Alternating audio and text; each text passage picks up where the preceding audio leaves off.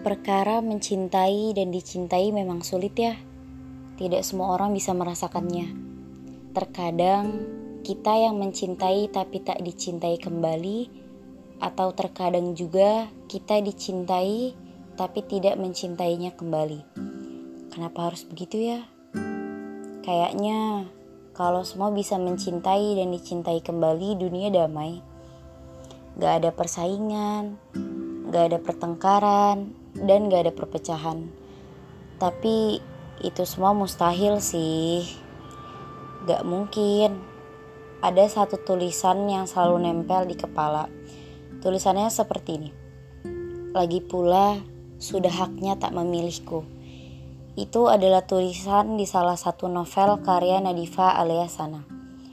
Dan itu emang benar. Kita boleh mencintai siapa pun, tapi kita tidak bisa memaksakan dia harus kembali mencintai kita, bukan? Apa kalau kita dicintai seseorang, kita juga harus memilih dia? Tidak kan? Kita berhak memilih siapa yang kita cintai. Kalau kita mencintai seseorang dan dicintai kembali, tandanya itu bonus dari Tuhan. Dan yang namanya bonus, tidak semua orang bisa mendapatkannya.